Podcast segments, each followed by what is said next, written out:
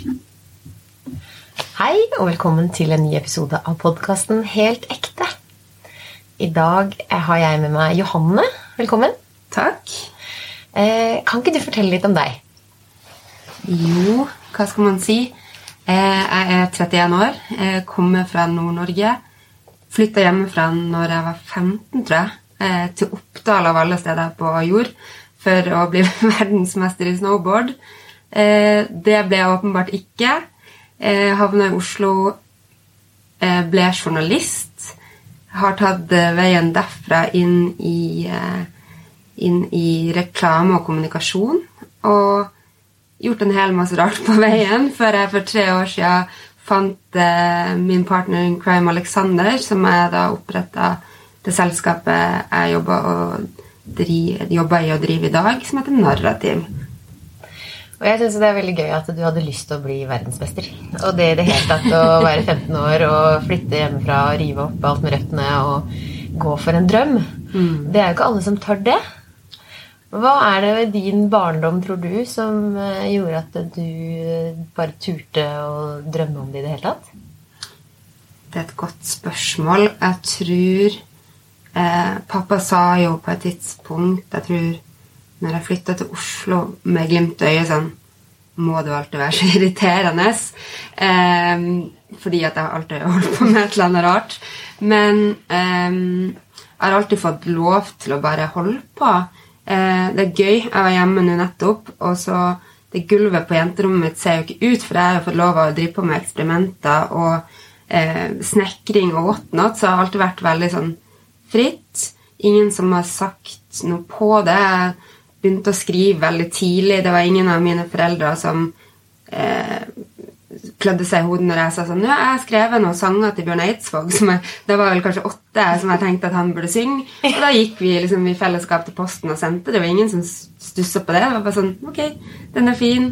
Brukte sommerferien en gang til å skrive det jeg mente var en kjempegod bok. Jeg tror jeg var elleve. Eh, heller ingen som stussa på nesen når jeg sa sånn vi, vi må sende det til Aschehoug.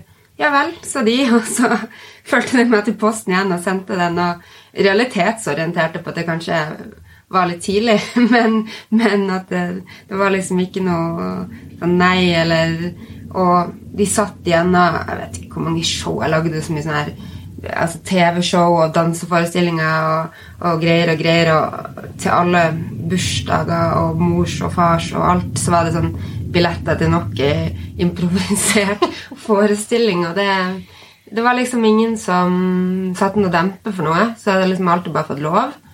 Og så er det klart, min mor hadde vel sikkert sin livssorg når Jeg tror ikke hun trodde jeg skulle komme inn på toppidrettsgymnaset, så jeg tror hun sa ja til det. Um, og var ganske sikker på at det ikke kom til å skje. Uh, og jeg hadde gått inn på feil sånn system for å sjekke om jeg hadde kommet inn den dagen det skal avgjøres. Så i sånn i sekstida på ettermiddagen så hadde jeg jo egentlig gått og sagt sånn Nei, jeg kom ikke inn. Eh, jeg blir værende her og begynner på idrettslinja eh, i Bodø, der jeg kom fra. Lettelsen var stor. Og så fikk jeg ikke sove, for det var et eller annet som skurra. Og så skjønte jeg jo åh, jeg har vært inne i feil fylkesystem. Ja. Så sånn 12-1-tida eller noe sånt, så fikk jeg logga inn og sett at å, oh shit, jeg kom faktisk inn. Å, stakkars mamma. Så da gikk jeg og vekte henne og sa hei. Lurte deg. Eh, jeg skal til Oppdal. Og det var bare Det fossa, men eh, det var ingen som låste døra og sa at jeg ikke kunne dra. De stilte vel egentlig bare krav til at det er ganske dyrt å gå privat. Eh, så det var litt sånn Det er fint. Du, vi skal backe deg og, og med det grunnleggende, men du er nødt til å eh, ordne en del ting sjøl. Du må ha en jobb. Eh, så får vi se hvor det går. Og så Mine foreldre er skilt, eh, men det var første gang de tilbrakte så mange timer. Da kjørte de meg fra Bodø til Oppdal, der jeg flytta inn i et anneks i hagen til noen. Med hele dusjen i gangen og whatnot. Men eh, ja, jeg tror det. De har liksom aldri begrensa det. De likte det ikke, men de, de kjørte meg helt frem til døra, på en måte. Det har jeg alltid gjort. Så det med å faktisk gi deg frihet da, fremfor trygghet, som det er veldig lett å gjøre fordi man velger kanskje litt egoistisk som forelder, fordi man er så glad i barnet sitt at man har lyst til å gi dem all mulig trygghet. Definitivt. Og så har de reflektert mye. Altså, de har alltid stilt krav til at jeg må begrunne ting. Ja. eh, og reflektere over ting. Fordi jeg har jo hatt ekstremt mye prosje- prosjekter, og det er jo mange som har blitt stoppa ikke fordi noen har sagt nei, men fordi at det har blitt lagt opp til refleksjon Ja. og et rom for at jeg sjøl kan komme til konklusjonen med at dette ikke er en så god idé. Og det kan eh, jeg huske fra jeg var liten, fordi vi hadde en ganske stor hage. Og så var det en sånn fin bakke på den gressplenen. Og så så jeg for meg at det kunne være en vanskelig, og så skulle jeg grave et basseng. Og pappa bare ja, men det er bare å begynne å grave. Og så begynte jeg å grave. Helt til da at jeg kom så dypt. Jeg fikk med masse nabounger og sånt nå inn i det prosjektet, og vi gravde og vi fantaserte, og vi så for oss den badelandet vi skulle lage da i den hagen. og så kom vi til fjellet, og da, som du sier, da, vi reflekterte over hva skal vi gjøre nå, og pappa bare ja, men sprengning, det koster penger, og det må inn med gravere, og snakka litt, og da stoppa det seg sjøl fordi vi ikke hadde kapitalen. Det er akkurat det. Men det å gi barna liksom mulighet til å faktisk drømme uten å sette på bremsen og drepe kreativiteten, mm. har i hvert fall funka for deg. Det har fungert godt. Eh, Jeg må bare beklage til dem, for jeg tror- at det, det har vært mye sånn hodepine for mine foreldre. Men eh, eh, vi snakker jo mye om det i dag, sånn det har jo fungert. Ja. Eh. Og du fikk jo også litt hodepine, og kanskje det gikk jo ikke helt på skinner det å bli eh, verdensmester i snowboard. Nei, det gjorde jo ikke det. Altså, jeg er sånn evig nysgjerrig og optimistisk, men siste året mitt på Oppdal eh, så hadde jeg jo skjønt sjøl at jeg ikke kom til å bli verdensmester. Eh, jeg var god, men jeg var ikke best.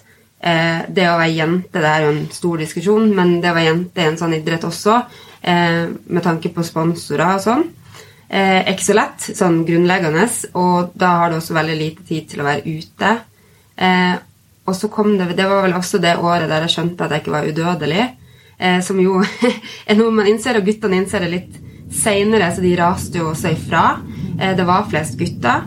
Eh, da var det kanskje ikke så interessant for de lenger heller å stå med oss få jentene som gikk der, fordi det ble veldig stor avstand i eh, talent, eller i hvert fall utvikling, da. Eh, men det at jeg begynte å bli redd eh, begynte også å bli ganske farlig, for da begynte jeg å trekke det. Så jeg hadde mange skader, og så på eksamen eh, som vi faktisk hadde i big jump, da, som er de svære hoppene, så eh, fløy jeg eh, ut til venstre i en skog istedenfor til landinga. Eh, jeg satte liksom utfor uten en veldig god plan, og da fikk jeg et brudd i, i en ryggvirvel. Ja. Og det er jo ganske når man begynner å bli redd, og jeg klarer ikke helt å legge planen og tenke rasjonelt og Nei. gjøre det man skal, så går det gærent. Og der er det jo sånn Jeg skulle jo hørt på meg sjøl, for egentlig så var jeg ganske nærme å bare flytte hjem og ta siste året mitt hjemme. Eh, bare kunne kose meg med idretten på idrettslinja der, uten det der presset. Og det, der var det jo ikke en eksamen i big jump, det var ikke en forventning. Det var ganske andre krav der som jeg gikk. Eh, og det er jo en av de gangene fail forward, på en måte. Eh, jeg skulle nok ha dratt hjem, eh, men jeg var sta, så jeg ble, og så ble det konsekvensen. Så det har vært en god lærdom. At eh, ja, ingen skam å snu, og det å gi seg tid også. Eh, men igjen ville sikkert ha gjort akkurat det samme en gang til. Eh, men da var jeg jo litt lost. Da var jeg jo der at eh, fra jeg var åtte, uavhengig av hvordan andre kanskje så på meg, så var jo snowboard hele min identitet. Så når jeg da kom hjem derfra, eh, så ante jeg jo ikke hvem jeg var, eller hva jeg skulle gjøre. Jeg hadde liksom bare altså Jeg hadde noen kallenavn i byen som var Gangster-Johanne, og ikke fordi jeg drev på masse kriminelt, men jeg gikk i store, veldig store bukser og T-skjorte.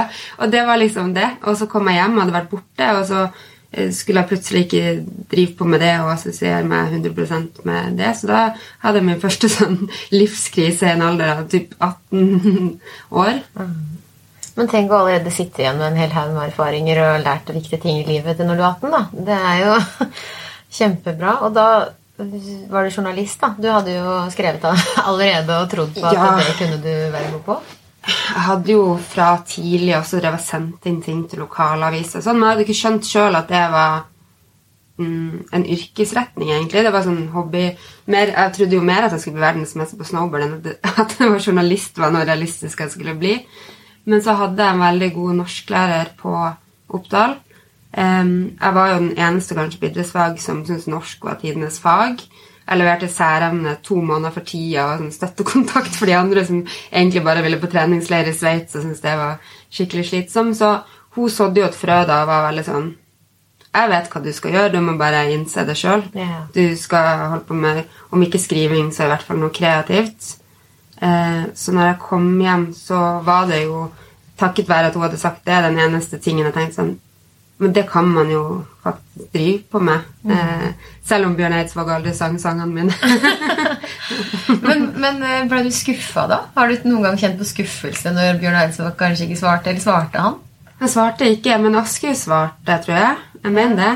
Jeg sendte bare en sånn her standardgreie. Eh, nei For det er jo noe som er liksom, Det med frykten for å bli avvist, det er jo veldig sterkt i oss. Men hvis du bare tør å prøve og kjenner at det, det var ikke så farlig om de ikke svarte, og da kanskje det har gitt en styrke seinere i livet òg, da. For det er jo bare å prøve. Ja, jeg tror jeg var for ung og naiv til å på en måte bli så veldig såra på det tidspunktet. Eh, da fortsatte jeg vel bare å sende. Jeg sendte til noen artist i England også, som jeg syntes var kul. Eh, men første gang jeg skikkelig gikk sånn på trynet, var vel etter videregående, når jeg eh, ikke hadde lyktes med det. Og det var jo så liksom stort og eh, ja, hva skal man kalle det for noe? Det å stikke dit og tenke at man skal bli verdensmester, og så kommer man tilbake. Bodø ikke en kjempestor by. Folk har bundet meg, kalt meg Gangster-Johan eller Snowboard-Johan eller de tingene der i mange år, og så er det plutselig ikke det jeg er lenger. Eh, men ja, da søkte jeg journalistikk, da. Eh, og veldig seint. Opptaket var egentlig gjort, så jeg var veldig heldig at jeg hadde en sånn ventelisteplass som jeg kunne snike meg inn i. Um, og så raste livet egentlig bare derfra og hit, fordi det gikk Jeg gikk jo første året, og så fikk jeg praksisplass i magasinet i Dagbladet. Um, og så mens jeg var i den praksisen, så fikk jeg tilbud om å bli redaktør for et magasin hjemme i Bodø. Uh, så jeg dro hjem og gjorde det. Eh, det var ikke riktig for meg, for det er mange ting man kan si der, men det var litt sånn veldig overlapp mellom annonsører og venner og eh, hvem man kunne skrive kritisk om. Og jeg var i en veldig kritisk periode der jeg skulle utfordre systemet. Ja. Så når Dagbladet eh, ga meg muligheten til å komme tilbake, så flytta jeg tilbake hit. Og siden det så har jeg Og det å gå over til reklame, da. Du har jo nevnt for meg tidligere at det er liksom den store, stygge ulven. Det er eh, Ja. en bransje som kanskje for journalister ikke har vært så eh, ære mye ære i. Og hvorfor det, egentlig?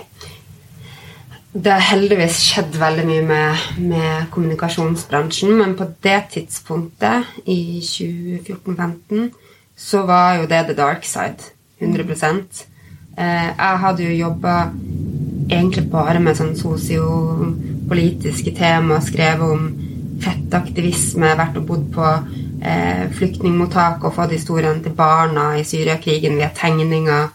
Eh, og gjort mye sånn som eh, aktivisme, nærmest. Eh, og så kom jeg og sa eh, jeg skal over i det kommersielle. Jeg skjønner det godt, og jeg er glad for at mange utfordrer meg på hvorfor jeg skulle gjøre det.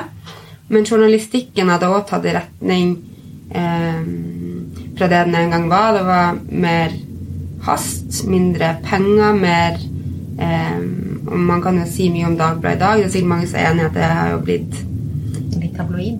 meget tabloid. Og jeg tror det var egentlig en veldig enkel beslutning til slutt. Jeg fikk spørsmål om jeg kunne skrive den store kjendisslankesaken. Og da skjønte jeg litt sånn Nå er det krise her. Um, og så visste jeg at det fantes mer penger på den andre sida. Ikke til meg, men til prosjekt. Så hvis man jobba på en fornuftig måte med de ressursene, så kunne man lage ganske fine ting kommersielt. Em, kanskje med bedre tid til både research og refleksjon før ting gikk i trykk. Så jeg så jo den muligheten, men skjønte samtidig at jeg måtte trå veldig forsiktig for å ikke eh, levere på den bekymringa de som ytra det, hadde på at nå skal du over øyet. Men da har du jo kjent på verdiene dine. Da Da har du jo kjent på hva du ønsker, hva du kan stå inne for. Og så har du sett muligheter i det som kanskje kunne virke som om det var enda vanskeligere å følge verdiene sine.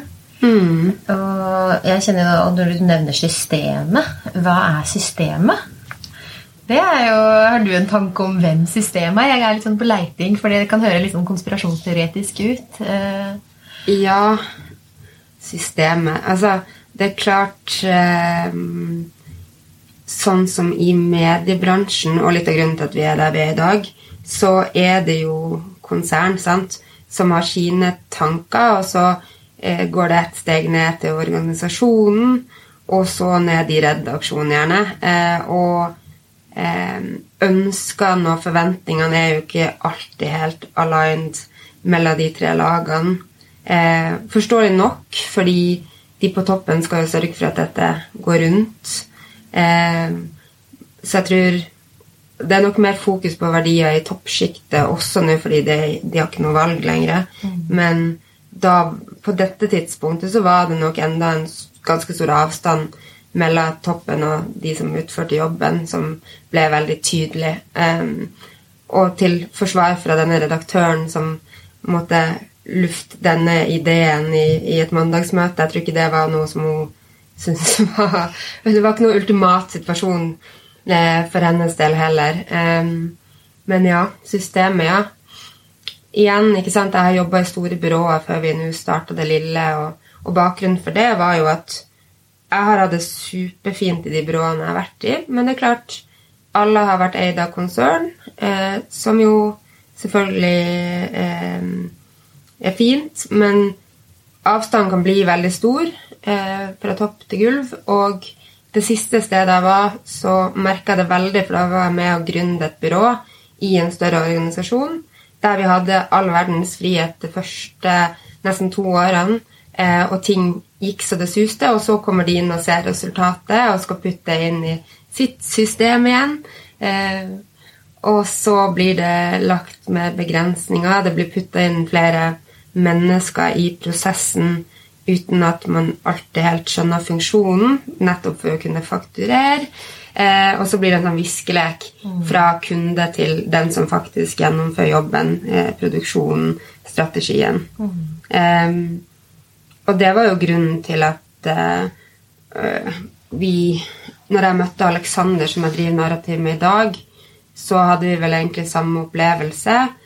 Og nok tro på oss sjøl til å tenke at vi, vi kunne starte noe der vi kutta en del mellomledd, var tett på, eh, og kunne eh, jobbe mye mer verdistyrt fordi at ingen over eller tre lag opp kom til å komme inn og ha noen formening om det.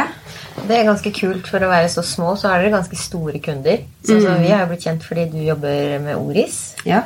Og så har du jo andre store kunder også. Har du lyst til å si noe om hvem Ja, det er ikke noe jeg som stå på nettsida. Nei, vi, vi har jo dere i ordet ja. Vi jobber med Hydro. Vi jobber med Itera, eh, Bane Nor, internkommunikasjon. det kjenner du sikkert til at det er et behov, du som tar tog. Em, vi har jobba med Widerøe. Eh, vi, ja, bredden av egentlig norsk næringsliv. Og så har vi små aktører også som vi jobber med. Så det, og mye veldedig. Sanitetskvinne, eh, Norsk Flyktninghjelp, blant annet. Og jeg syns det er innmari fint når man tenker at verdier betyr noe. Og det er jo sånn som eh, For Tannlegeforeningen er jo ganske mm, skeptisk og ser litt med frykt på det med at eh, flere og flere store tannlegekjeder kommer og tar eh, styrer markedet en del. Da. Og det er jo uh, viktig å tenke på. Og det er viktig også som oss for, for oss som tannleger å se hvor vi, være, hvor vi har lyst til å være, og det med å kjenne på verdiene sine. Samtidig som meg, da, som selvstendig næringsdrivende, å vite hvor jeg skal være, hvilke valg har jeg, så har jo Oris vært en kjede som jeg har sett og har hatt tro på, fordi det virker som de har gode verdier. Og så har jeg også hatt en jobb og vært veldig fornøyd eh, i den klinikken jeg er, og sett at eh, når jeg har snakka om eh, psykologi og tannlegepsykologi, som jeg brenner for, så har det blitt tatt opp som et viktig tema. Og, og det har blitt sett på litt med interesse. Og, Og det har jo også vært noe du har jobba masse med nå i det siste. Og det er jo fordi det er viktig. Man ser jo økt engasjement og interesse for det overalt. Mm. Og hvordan har dere Det har jo vært en utvikling fra da du startet og begynte å prate om dette her, til hvor det er kommet nå? Definitivt. Det jeg vil si når man snakker konsern og kjede og sånn, er jo at det som Når vi gjør en vurdering av hvilke kunder vi skal inn og jobbe med, så sier vi ofte nei til de der vi ser at fra de vi snakker med, til de som til slutt skal ta beslutningene, så er det for langt. Det blir et så langt lerret og bleik, og alle kommer til å ha liksom vondt i prosessen.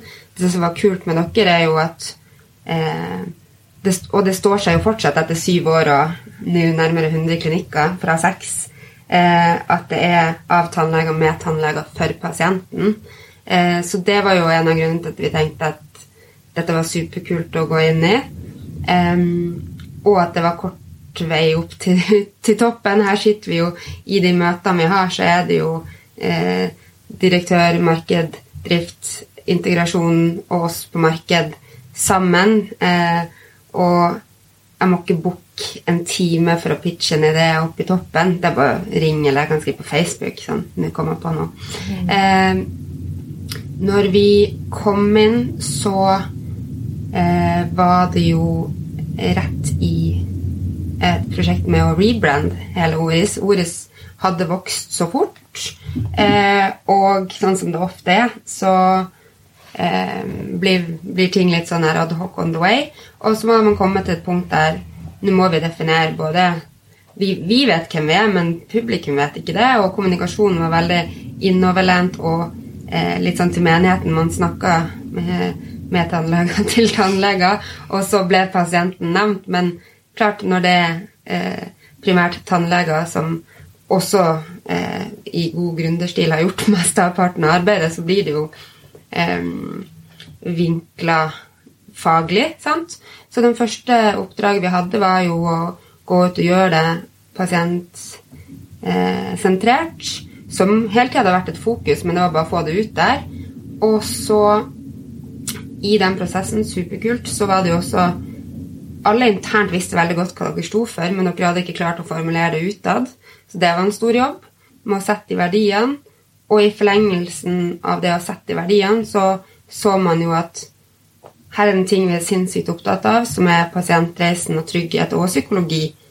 Men vi snakker om det, og vi er, mange er veldig gode på det, men det er ikke tatt ut.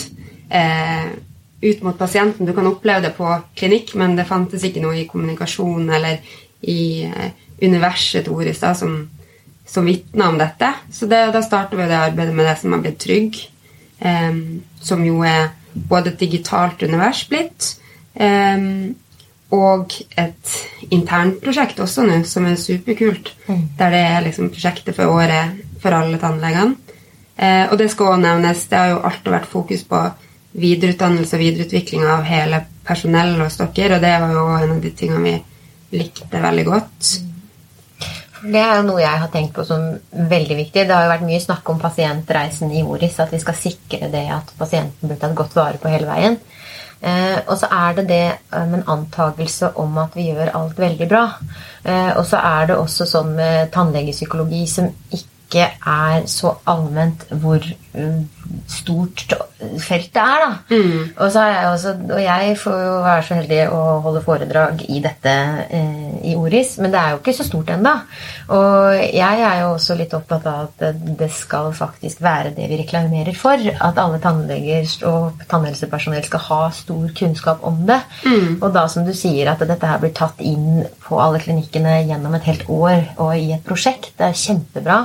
Jeg tror det gikk opp et lys i det prosjektet. fordi det er klart, når det er tannleger som kan tannlegeri, så er det liksom Hvordan i all verden tar vi det ut? Og så har man lytta. Man har eh, en markedssjef, Therese, internt hos dere som kom inn for to år siden, og som så det, og som tenkte dette må tas ut, og som ble lytta til, og det er jo helt fantastisk. Og så kobla opp på oss som en forlengelse, og, og vi har fått lov til å, å jobbe fritt. Og nå det har vært en vei fra det første møtet der vi pitcha det som gjennom sånn Vi skal lage et konsept, la, la, la. Altså, det er jo gresk. Jeg skjønner det så godt. Du sitter der og er fagfunksjon og direktør og leder og whatnot og tannlegeri, og vi har gode kunder. Altså, så kommer vi der sånn Trygg!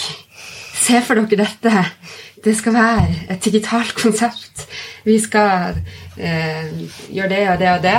Eh, det var jo noen Jeg tror ikke alle skjønte hva det var vi ville i det første møtet. Og så, men så fikk vi lov til å lage noe. Og med en gang det ble litt håndfast og håndgripelig, så har alle virkelig eh, omfavna det. Og, og nå er det veldig gøy i møtene, for nå er spørsmålet alltid bare sånn Passer dette inn i Trygg? Kan vi ta dette inn i Trygg? Det var noen som nevnte noen greier her. Er ikke det litt fint for, for Trygg? Og så har det jo blitt til at Trygg skal være like viktig i merkevarebygginga som selve navnet ordet Mm. Um, og at det omtrent er likestilt som konsept. Så det er jo også helt fantastisk. Og da skjedde det noe, og det er så gøy. Og det er litt gøy med de prosjektene for året. Vi hadde jo I fjor så var det jo Pølsa Pettersen som skulle hjelpe oss med å definere verdiene eh, nedover i klinikkene. Og det også var tatt imot litt sånn rart for vi tannleger som jobber i hverdagen. da. Eh, for meg så var det veldig spot on, eh, akkurat i tråd med hva jeg syns er viktig. Men for veldig mange som bare ser det viktigste som det de skal produsere, og det de skal gjøre og være der for pasientene, og det pasienten forventer der og da. Det er så lite. Mm. Men så ser vi at eh, alle disse verdiene om hvordan vi kommuniserer, hvilken trygghet vi har i oss selv, eh, og bare den, de daglige ordene vi velger å bruke til alle rundt oss, at det har, gjør en enorm forskjell. Mm. Og, og, i starten så virka det litt sånn Hva er det han snakker om? Han snakker veldig mye, og han, han snakker kanskje ikke et språk vi forstår, men, men, litt fordi jeg har vært veldig ivrig i det og er sentral i klinikken jeg jobber, Eh, og tatt det inn i daglig i lunsjen, i, i alle disse små eh, samtalene, mm. så har det blitt måten vi ser ting på. Og i dag så hadde vi et stort personalmøte der vi gikk gjennom medarbeiderundersøkelser, der vi sier at det, her har vi faktisk påvirkningskraft. Her spør Oris oss hvordan vi opplever dette. Og da kan vi med denne undersøkelsen fortelle tilbake. Og det er en sånn Det viser at de bryr seg om at vår stemme betyr noe. Og det er liksom sånn at hvis vi istedenfor å klage over tingenes tilstand, så kan vi faktisk ytre og påvirke ved å si det vi mener, komme med tilbakemeldinger. Og, og, hvis vi er så trygge på både ledelsen og på hverandre at vi tør å si det vi mener, så får vi det bedre sammen. Og, mm. og det er jo det med kommunikasjon med pasienter, og når jeg jobber veldig mye med redde pasienter, så prøver jeg å sette meg inn i, i situasjonen til den pasienten. Prøver å skjønne historien hvem som sitter der. For da skjønner jeg, når vi da har fått en relasjon, hvilke ord jeg må bruke for at den pasienten skjønner at vi er på lag. At ja. ikke jeg er en sånn ovenfra-ned-person som bare forteller dem hva de skal gjøre. For det skaper veldig mye motstand i den hjernen. Hvis, Klart, og, eh, og, det tror jeg jo ordet kjede også gjør for mange. Ja, ikke sant? Så det som er unikt hos dere, og som er så kult også, er jo at klart det er liksom Kommunikasjon er utrolig viktig, og um, jeg tror jo for min opplevelse av ledelsen i Joris er jo at det hjelper ikke å komme der og si Hvis jeg går inn der og sier det er for dårlig, det funker ikke her, så blir du jo møtt med liksom, stengt fjes, skulle jeg mm. si. Men kommer du inn og sier sånn, sånn, er status, men her har jeg et forslag til en løsning, mm. så har vi aldri blitt skutt ned, eller eh, Og det er rom for det, og det er jo er nok sikkert unikt når du kan gå direkte på den måten, og som du sier med måten medarbeiderundersøkelsen løses. Og dere er jo nærmere 1250 ansatte nå, og det å få til det er jo helt suverent. Mm. Og det er jo litt også Vi snakker om det å ytre meninger og det med steile meninger. Det med at man har en sånn 'kjeden er slemme', eh, private tannleger er snille. Det er en sånn oppfatning mm -hmm. tannleger kan ytre. da. Eh, men det er jo ofte med andre ting også, sånn som du fortalte meg at du hadde hørt om JK Rowling, som eh, har kommet med en mening om at du Fortell om JK Rowling. Ja, det har jo vært en, en stor ting. Um, hun gikk jo ut og var veldig kritisk når USA bestemte seg for at um, man kunne definere hvilket kjønn man var, basert på en følelse og underskrift på et dokument. Så man kunne si at han følte seg som dame, og så ga det da tilgang til damegarderoben. Det hun aldri sa, var at hun mente at de som er genuint trans, har noe behov, eller er noen uh, sjarlataner som vil utnytte dette. Hun sa vel egentlig bare at det åpna et mulighetsrom for de som Ikke var trans. ikke var trans, men som da kunne Så både for rettighetene til trans og for kvinner generelt, for hun er jo erkefeminist og, og stiller spørsmål til tryggheten til kvinner generelt. Em, og har sikkert sagt flere ting, men det var liksom kjernen. Og så ble hun da skutt ned brutalt kjapt. um, som da eh, turf, som man kan kalle det. Eh, En som hater transer. en som hater transer. Og det er jo det som er med sterke meninger, at når noen tør å si, snakke om en sak de tror på, så blir de kritisert og, og hetsa og, og misforstått med vilje. Og jeg også leste Tannlegeforeningens siste nummer nå, der eh, Heming Bergem Olsen, som er president i Tannlegeforeningen, eh, fortalte om da datteren var yngre, og han fikk spørsmål om å komme og fortelle om det å være tannlege i klassen til den datteren. Og så hadde han fortalt det at eh, det er mye bedre å spise en 200 grams sjokoladeplate på kort tid enn å sutte på en kjærlighet en halvtime. Og det forstår jeg veldig godt som tannlege. at Ja, fordi da blir den totale belastningen at tennene bades i sukker over tid. Det er sånn han prøvde å gi et bilde på. Og han følte at dette var en veldig god ting. Han fikk frem budskapet, syns han, og datteren var ikke kjempeflau, så dette her gikk jo kjempebra. Ja. Men dagen etter så fikk han mange sinna meldinger fra foreldrene som sa at eh, er det helt greit liksom at ungene skal få 200 gram sjokolade? Er ikke det altfor mye? Og så da har de ikke de tatt den uh, betydningen av det han prøvde å kommunisere. da. Så det med den der kommunikasjonen, at man ikke er nyansert eller prøver å være nysgjerrig på perspektivet heller, enn å faktisk bare henge seg opp i en, en ting som er sagt, Ja. og gjøre det verste ut av det. Polarisering er jo det skumleste i dag. Det er så svart-hvitt eller høyre-venstre. Og, og det er mange gode samtaler på midten, men det er for få av de. Og det at Som jo jeg tenker en del av kjernen i det du snakker om, er opptatt av, som handler om det å reflektere. Vi lever fast pace, så vi tar oss kanskje ikke tid. Vi hører overskriftsnivået, og så bestemmer vi oss.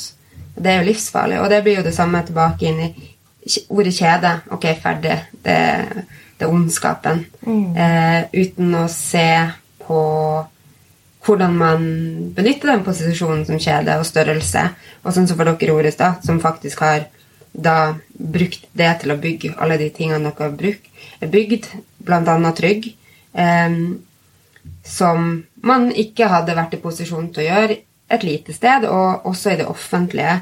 Det er begrensa midler. Og igjen eh, tilbake igjen, ikke sant, svart-hvitt mellom det offentlige og det private. Og den der eh, vanskeligheten med å møtes på midten fordi det offentlige er pressa, og noen må stå der og være klar når det brenner på dass, spesielt for de pasientene du jobber mye med, som er de, de redde pasientene.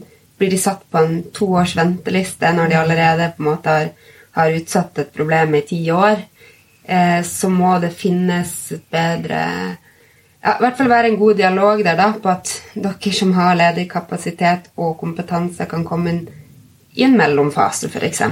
Og det er jo noe jeg jobber mye med. Å se hva er det handlingsrommet er. Hva, hvordan kan vi se at eh, de som er private, ikke er slemme og bare skal suge mest mulig penger ut av de stakkars pasientene. Eh, men hvordan vi mm, norske tannleger i lang tid har blitt sett på som helsearbeidere og ønsker fortsatt å bli sett på som helsearbeidere. Eh, eh, og da tenker jeg at og, og jeg ser utfordringene fra begge sider, jeg. eh, At, 100%. og jeg ser at det offentlige ikke bare er bra heller, fordi der er det mye ressurser som går bort til ineffektivitet. Mens det bra med private er at det er veldig effektivt, men også kanskje for effektivt til tider. At vi eh, tenker bare produksjon. Og, og jeg syns det er vanskelig da når jeg får veldig redde pasienter, og de ikke har kommet inn i dette TOO-tilbudet som der kommunen betaler for de, eh, så skal jeg da sitte der lenge og prate med en som er kjemperedd, og så har de vært hos meg første gangen uten å ha gjort noen ting, og så koster det da 1400 kroner fordi jeg har et ansvar for de som eier klinikken, at jeg må produsere innenfor dette tidsrommet, for jeg sitter der med dyrt utstyr, jeg sitter med en sekretær, jeg sitter med ganske mye penger som renner ut, som jeg da har en kontrakt om å fylle dette med eh, penger. Eh, samtidig som jeg da klarer å formidle det godt til pasienten, så er det stor forståelse for det. For de er bare så utrolig glad for å bli møtt med noen som forstår. Ja, De må jo skjønne hvorfor det kosta det. Det koster Ja. vel ingen av dere tannleger som altså hadde, hadde det vært en høyere dekningsgrad, så det er ingen tannleger, verken offentlig eller privat, som hadde steila på det. Men så er det jo ikke sånn, og munn og øyne er liksom ikke rangert som en del av kroppen i dag. Men jeg tror det du sier der med kommunikasjon og forståelse Ved å jobbe med dere Jeg har jo hatt masse tannlegeskrekk. Jeg har også vært en av de som er sånn Her er det noen som går med en helt hinsides overhead etter at jeg har vært inne og blitt pirka litt i fortannene, på en måte. Men av det man, man lærer når man kommer inn i det. Det har vært for dårlig kommunisert ut. Jeg forstår godt hvorfor den prisen er satt der ned i, i dag, når man forstår alle som er involvert. Eh, alle tingene dere må kjøpe inn til hver klinikk, hva det koster. Det er jo helt vanvittig, en røntgenmaskin. sant? Eh, at 90% av det som brukes i løpet av en tannlegetime, er forbruksmateriell som ikke kan gjenbrukes. Altså det, det er så mangt. og Eh, men det har det ikke vært snakk om. Man går rett fra skoletannlegen, som er dekt, til eh, etter hvert, i hvert fall nå, etter 27, eh, og ta sin egen regning uten å egentlig Det gikk fra gratis til plutselig en ganske kostbar affære, og, og hvorfor er det sånn? Og da er jo igjen, Hvis man går tilbake til systemet, da, hva er grunnen til at tannleger føler seg pressa til å selge til kjeder? Det er jo akkurat fordi kostnadsnivået er for høyt, så de tør ikke å sitte på all den eh, det skumle å eie klinikker selv når det er så dyrt å drive. Og det er jo da systemet som har drevet disse kjedene fram.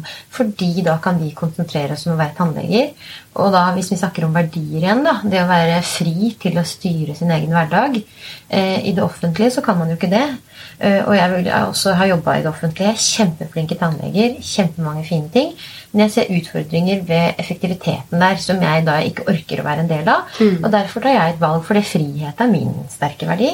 Og da ønsker jeg å være privat. Det betyr jo ikke at jeg da eh, har dårligere verdier, men jeg har andre verdier. Og jeg syns det er kjempeviktig det samarbeidet vi har offentlig og privat. Nettopp. For det de har spesielt da i TO-teamet, der de gjør en kjempejobb. Og vi samarbeider, de overfører pasientene meg. Jeg må ta litt mindre betalt for offentlige takster. Men det er jo likevel et så fint samarbeid. Jeg tenker at Sånne ting må man bygge videre på. tenker jeg. Dødsviktig. Det samme gjelder jo egentlig for min bransje. sant? Vi er et lite utfordrerbyrå, kan, kan man kanskje kalle det. Som, og det har vært tradisjonelt veldig sånn Du har miljø for miljø, og det er utelukkende konkurransefordelen med å være små, sånn som vi er, at vi, vi kan samarbeide med alle. fordi det er ikke sånn at vi er opposisjon til de store konserneide byråene. Vi jobber gjerne med de, eh, men vi har bare funnet ut at eh, måten vi får jobbe med direkte inn mot våre direktekunder, eh, fungerer mye bedre når vi har den friheten vi har. Og så eh, er det mange steder de store gjør det superbra, og der det er supermatnyttig for oss og em, å ha synergier. Sånn tenker jeg det gjelder jo overalt, egentlig. Og det med synergi Jeg har jo blitt veldig motivert nå i det siste når jeg har begynt med podkast. Da. da møter man jo så mange spennende mennesker som eh, Det er så mye fremsnakking overalt. Det er så mange som ser effekten og den positive effekten av samarbeid. Eh, og det å eh, Vinn-vinn-situasjoner istedenfor at man må trykke noen ned. Eh, litt sånn som konkurranse har vært prega av tidligere. At man skal holde noen nede for å være best. Så ser man at eh, jeg blir bedre ved å samarbeide med noen som kan noe jeg ikke kan. Og så kan jeg ha noe å tilby som de kanskje kan ha glede av meg. Og, og det også med Det har vært en sånn falsk idé da, om at det er livsfarlig, og, og at åpenhet og gjennomsiktighet og den delen der er liksom Åpner du den Pandoras eske, så vil du bli skutt ned, og byrået ditt vil gå under fordi de andre kommer til å stjele alt. Og sånn er det jo ikke. Nei. Sånn er det absolutt ikke. Man må bare selvfølgelig velge sine venner med omhu, men, men de alle, det skal godt gjøres å møte en sånn dritt. I hvilken som helst bransje er man bare enig om premisset, på en måte, så tror jeg at alle mulige folk som ikke trodde de kunne samarbeide, kan få til veldig gode samarbeid. Og det er hvis man er ærlig og har integritet. Og hvis man velger å samarbeide med andre man opplever har integritet. Og da være nysgjerrig på hva er ditt perspektiv, hva er ditt behov. Her er det vi har eh, Er dette her mulighet for et samarbeid? Nettopp. Så jeg tror den der kommunikasjonen er å trene på kommunikasjon. Helt klart. Og jeg tror også igjen tilbake til kjede. Når vi vurderte om vi Og nå har vi en kjempeavtale med Oris. Vi jobber det er Nesten alle ansatte har et eller annet, hos oss har et eller annet med Oris å gjøre, og vi er fire stykker som jobber ekstremt mye med det. Og, og um, det at um, de som sitter i ledelsen hos dere, er tannleger Det er ikke noe sånn Med en gang det blir nevnt til noen utenforstående ja, Ordet er en stor kunde når folk lurer på hva jeg holder på med.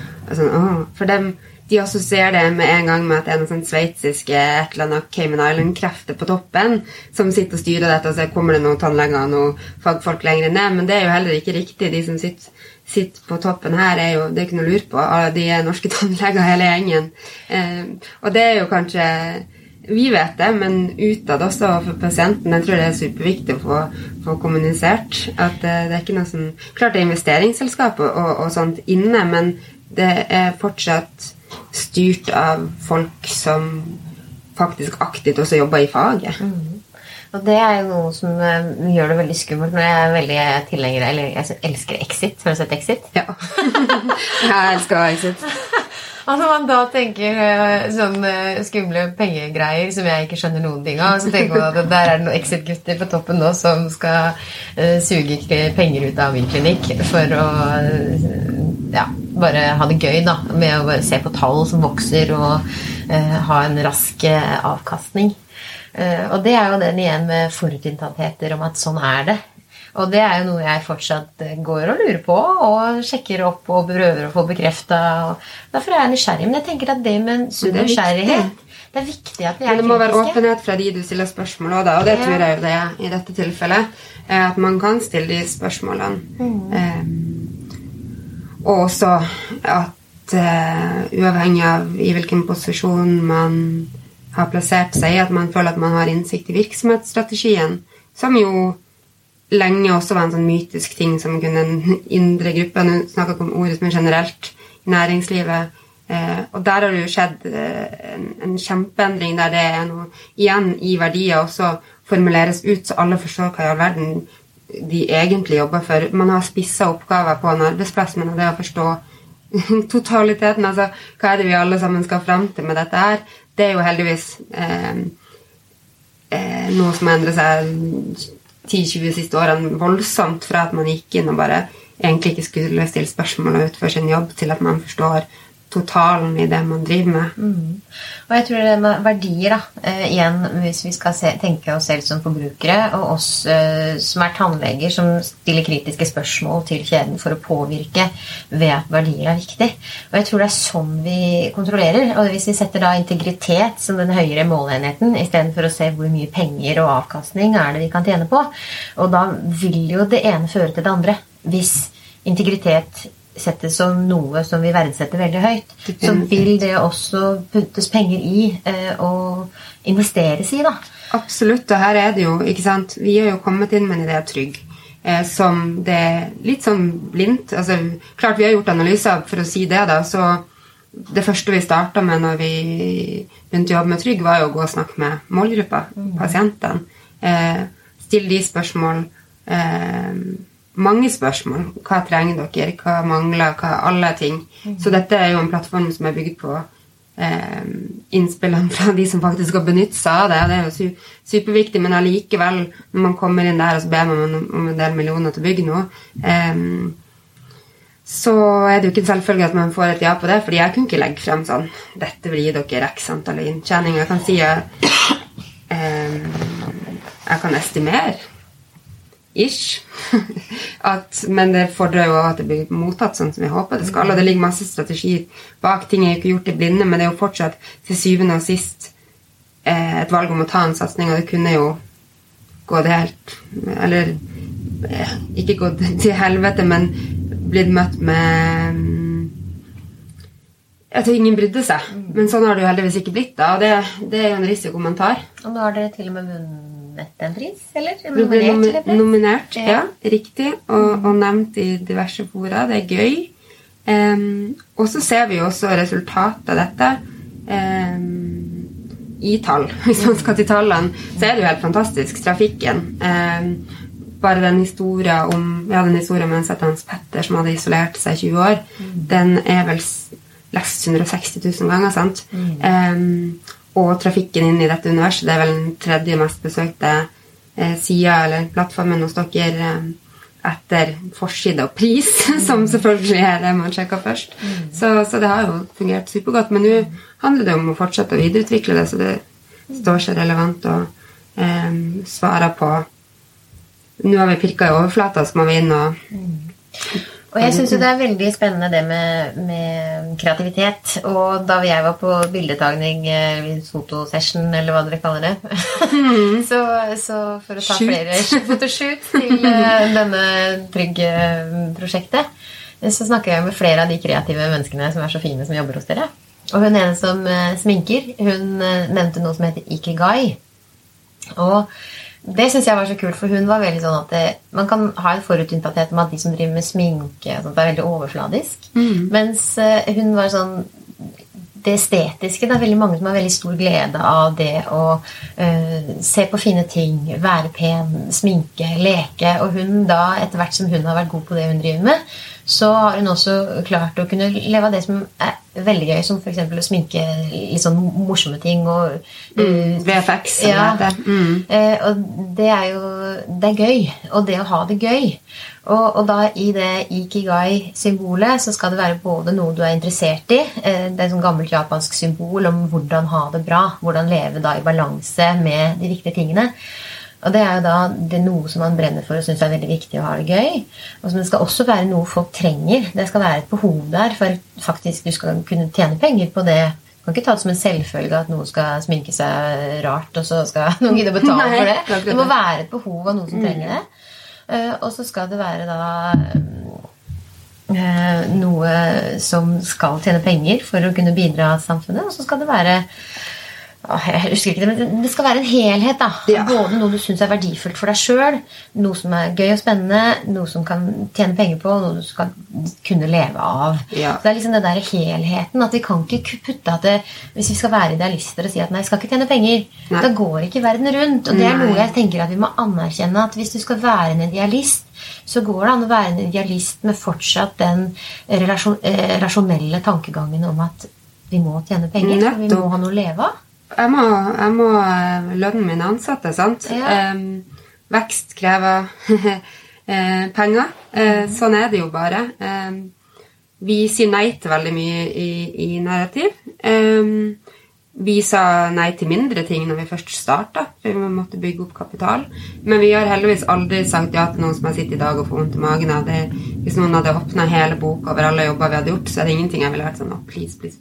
Noen ting jeg med lave budsjetter som jeg kanskje ikke syns er så fint, men det er en helt annen, annen kategori. Men, men um, det er mange ting som eh, nok ikke Da blir det mer på hva vi interesserer oss for. Vi gjorde mye vi syntes var kjedelig for å bygge eh, til få melk og brød og vann og ansatte. Eh, men vi har heldigvis alle gjort noe som, som jeg angrer på. liksom verdimessig. Det er jeg glad for. Mm. men man er helt nødt til det. sant? Alt. Så det er jo det som er spørsmålet hele tida. Um, den balansen mellom inntjening, um, bare gøyale prosjekter um, og ting som kombinerer begge deler. Og det er, en, det er det vi jobber mest med, jeg og Alex, hele tida. Den balansegangen for å få alt til å være i vater. og så har vi jo lagd stort rom for at når, når eh, økonomien er der den burde være, og det er tid og rom, så kan vi gjøre masse andre rare ting. Vi lar jo de som jobber hos oss, gå ut og gjøre passion projects og bruke tid på det i arbeidstida. Eh, og nå har vi vært veldig heldige, for det har gått veldig bra fra start. Bank i bordet. Alt kan skje. Men også hatt en gang i året der vi gjør et veldedig prosjekt som vi går i null på. Bare fordi Hvis det er riktig prosjekt der vi har trua på saken, så klarer man liksom å ha et sånt ekosystem eh, der alle ting er tatt høyde for, uten at det ene stygt og fælt opp mot det andre, så, så blir, si, blir det balanse i verden. Men sånn er det jo bare. Og Det syns jeg er en kjempefin avslutning, da, som vi nærmer oss eh, slutten. Altså, hvis vi tar tilbake hvordan du hadde da du var barn, med at du fikk mulighet til å utfolde deg og gjøre ting som du syntes var gøy, kanskje du ikke visste resultatet av hva det var da, så lar du de ansatte få lov til å gjøre det samme i sin arbeidstid. At du ikke styrer og kontrollerer allting, men det gir litt frihet, sånn at de kanskje kan finne ut av noe som viser seg å være en kjempeverdi seinere. Tror det er det viktigste man gjør. Uh, fail forward. Jeg tror veldig på det. Ikke at man går inn og tenker dette kommer til å bli en feil, og så hiver man seg ut i det. Men det å, å, å, tørre å gjøre det, og det eneste kravet vi egentlig stiller til de rundt oss, er at de gangene det blir en feil, så er de nødt til å bruke det til noe produktivt inn i videre arbeid, eh, og gjøre seg en ordentlig refleksjon eh, som kommer alle til gode eh, i neste steg. Så jeg tror det er liksom Jeg eh, er ikke så redd for å gjøre feil, men må, den feilen må ha en verdi. Mm i, for ettertida. Vi tørre å snakke om den da, og se at uh, vi må ikke skamme oss og gjemme den. Vi må bare flashe den, og så bare 100% Ta det for det det er. Ja, ja, Man kan jo le av sånne tech-selskaper som, som, har sånne fail nights og wreck nights, og der de står på scenen og bare snakker om alt som har gått til helvete. Men det er kjempeverdi i det òg. Mm. Tusen takk for at du ville være med. Tusen takk for at jeg fikk være med. Mm. Vi snakkes seinere, vi. Vi gjør det. Blir ikke kvitt meg. Nei, takk for det.